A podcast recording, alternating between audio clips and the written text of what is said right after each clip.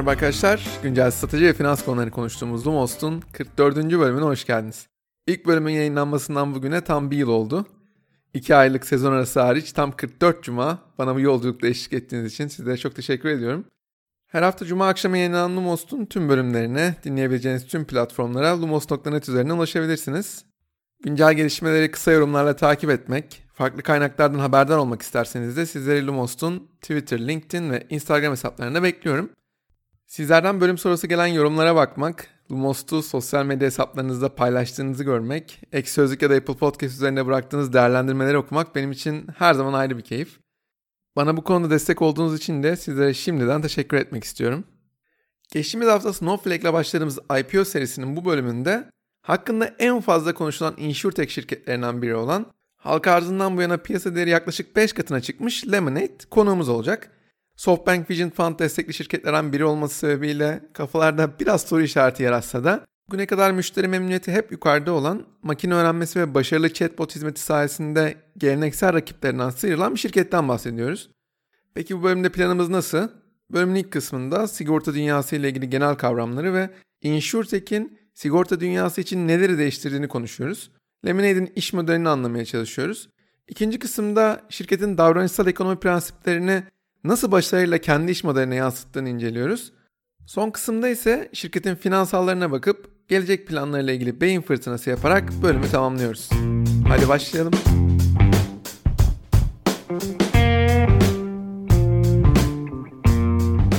Öncelikle sigorta ve reasürans kavramlarını açıklayarak başlamak istiyorum bölüme. Kişilerin veya kurumların sahip oldukları değerleri muhtemel tehlikelere karşı teminat altına almak için kullandıkları güvence sistemine sigorta diyoruz.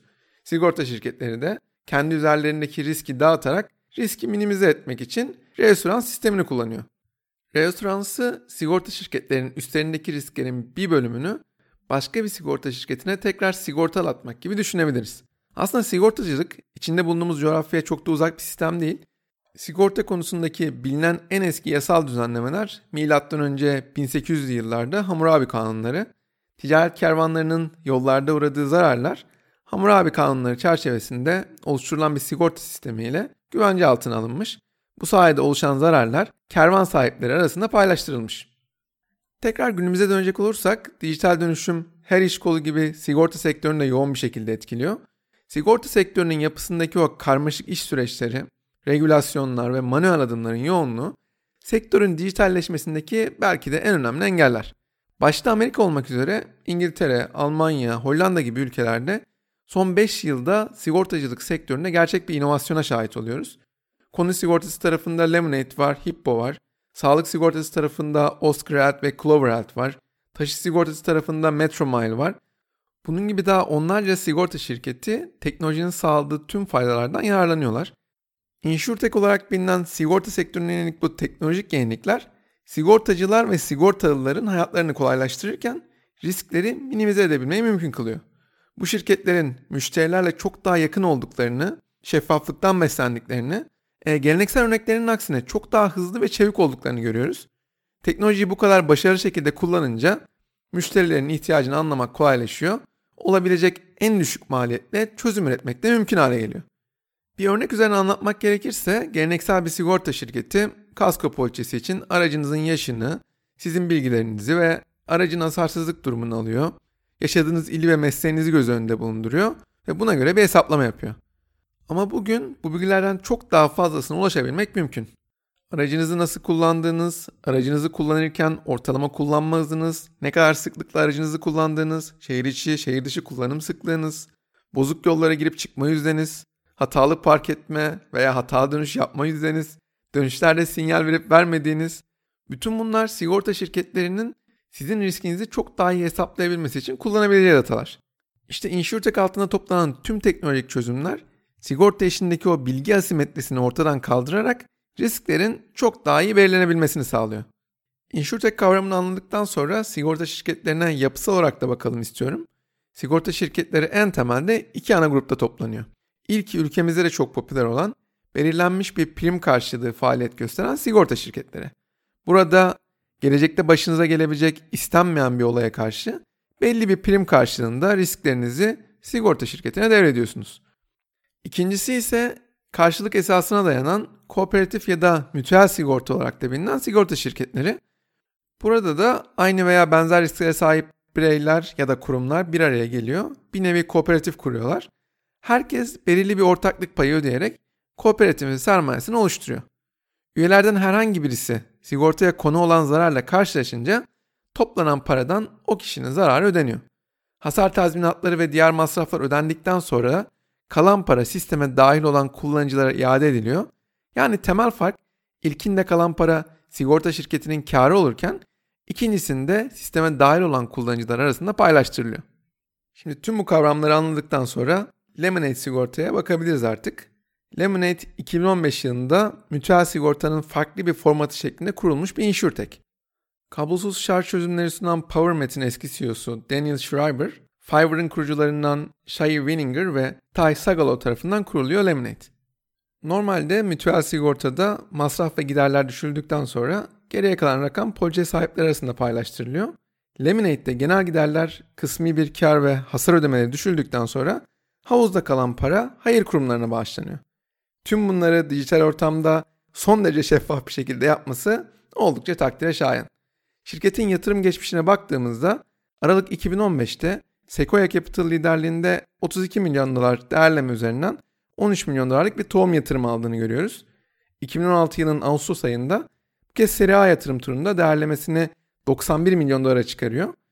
Yine aynı yılın Aralık ayında ise seri B yatırım turunda değerlemesini 208 milyon dolara çıkarıyor.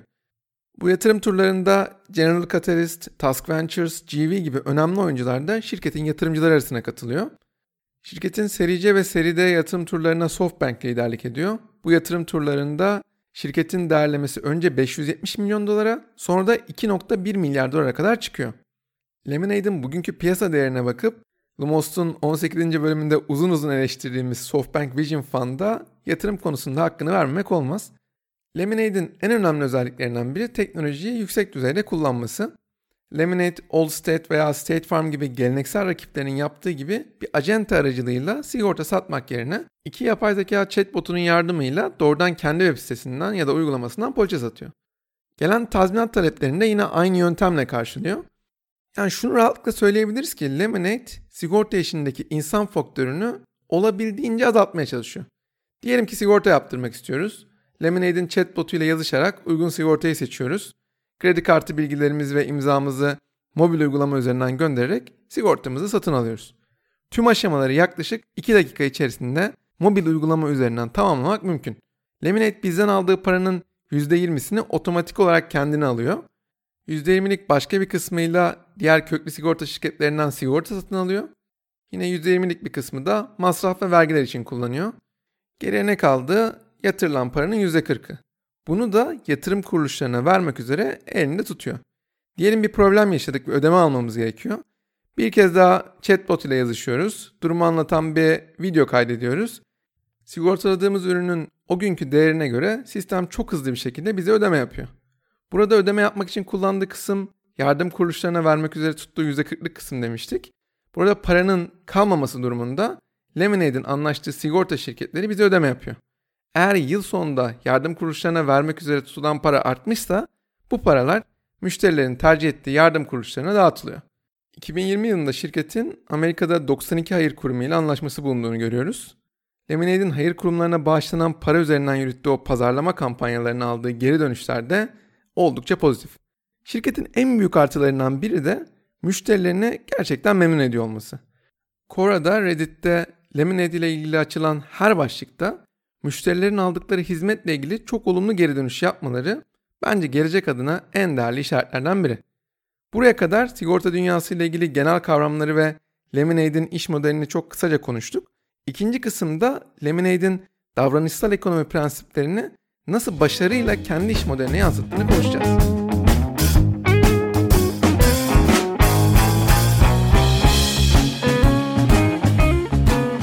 Geleneksel iktisat bilimi insanları Homo economicus olarak ele alıyor. Homo economicus ne demek? Maddi kararlarında kendi faydalarına odaklanarak seçim yapan, dolayısıyla her durumda mantığını kullanarak düşünen rasyonel bireyler demek. Ancak insanların davranışlarında, aldıkları kararlarda, yaptıkları tercihlerde sistematik hataların, yanılgıların etkilerini sıklıkla görüyoruz.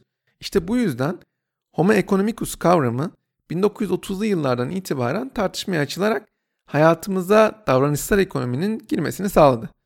Davranışsal ekonomi en temelde insanların her zaman kendi faydalarını gözetmediğini, rasyonel düşünce sistemi çerçevesinde karar almadıklarını savunuyor. Yani çoğu zaman mantıksız görünen davranış ve düşünceler gündelik hayatta aldığımız pek çok kararı doğrudan etkiliyor.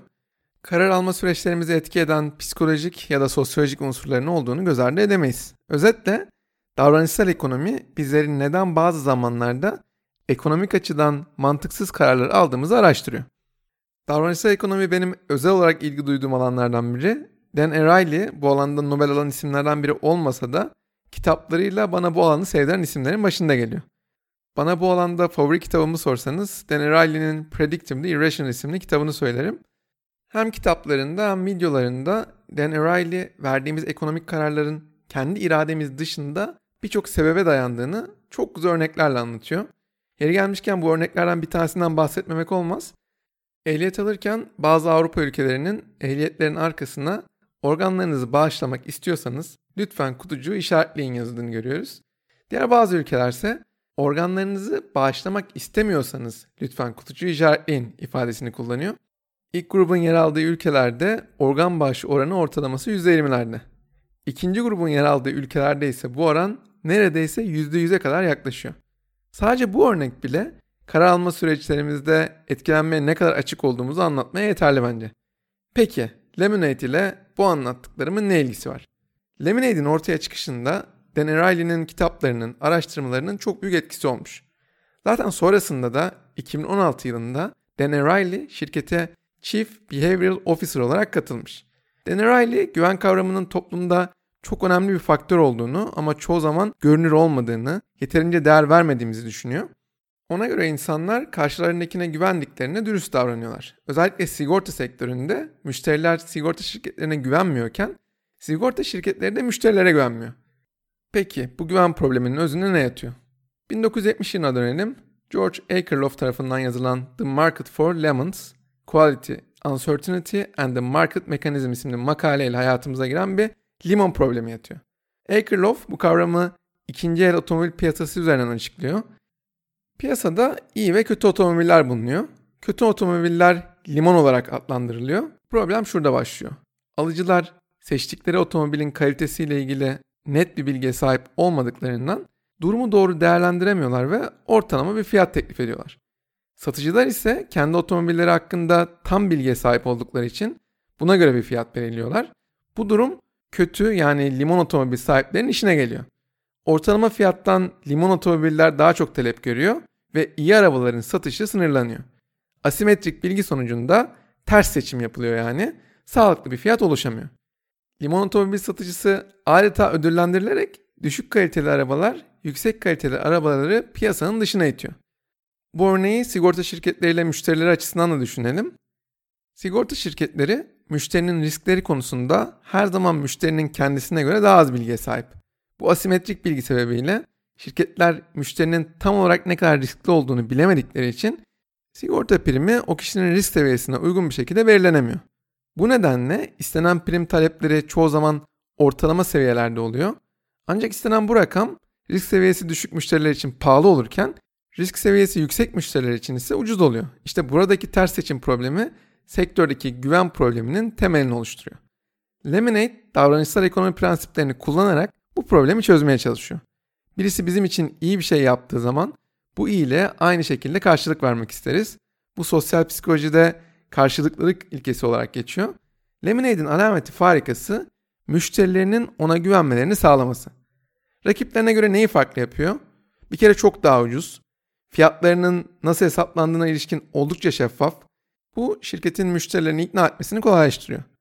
Geleneksel sigorta şirketleri hasar taleplerine geç cevap veriyorlar. Parayı olabildiğince ellerinde tutarak bundan bir kar elde etmeye çalışıyorlar. Bu da müşterilerin sigorta şirketlerine güven duymalarının önünde çok büyük bir engel oluşturuyor. Lemonade burada geleneksel sigorta şirketlerinden farklı bir şey yapıyor. Ona bir hasar talebi iletildiğinde olayın gerçekliğini araştırmak yerine hasar ödemelerini çok hızlı gerçekleştiriyor. Bu da müşterilerin şirkete çok daha güvenmelerini sağlıyor. Tabi bunların yanında karını limitleyerek geriye kalan miktarı tercih ettiğiniz bir hayır kurumuna bağışlaması şirkete güven duymanız adına yeterli oluyor. Yıl sonunda herhangi bir hasar beyanı yapmadığınızda ödediğiniz primlerin başka insanların hayatını güzelleştirdiğini bilmek pek alışık olduğumuz bir durum değil. Bu noktada tüm bunların biraz fazla PR malzemesi yapıldığı, bu yaklaşımın her zaman çalışmayacağını söyleyebilirsiniz.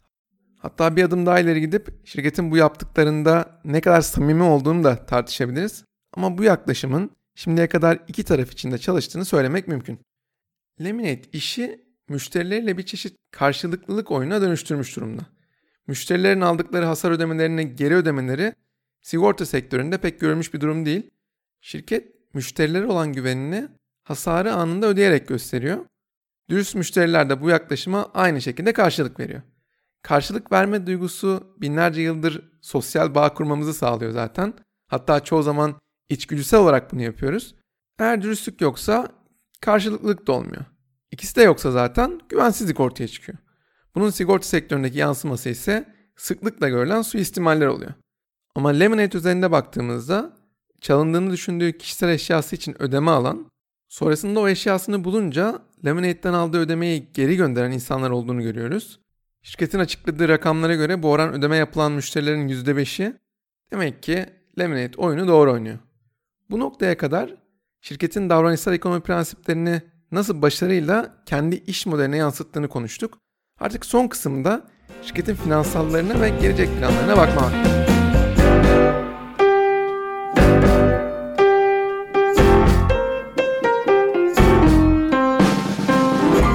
Lemonade'in finansallarına baktığımızda bir önceki bölümde konuştuğumuz Snowflake'e benzer bir tablo söz konusu. Lemonade 1 Temmuz'da halka arz edildiğinde şirketin piyasa değeri 1.6 milyar dolar iken yaklaşık 7 ayda piyasa değeri 5 kat artarak 8.7 milyar dolara kadar gelmiş durumda. Halka arzın şirket için en büyük faydalarından biri şirketin bilinirliğine yaptığı katkı oldu belki de. Şirketin halka arz sonrası inanılmaz yükselişi diğer insurtech şirketlerinde iştahını kabartmış durumda. Yenilikçi sigorta şirketlerinin çarpanları Lemonade'in borsada gösterdiği o olağanüstü performanstan pozitif etkilendi. 2020'de IPO yapan Root, çok kısa bir süre önce borsada işlem görmeye başlayan Clover Health'i bu kategoride sayabiliriz bence.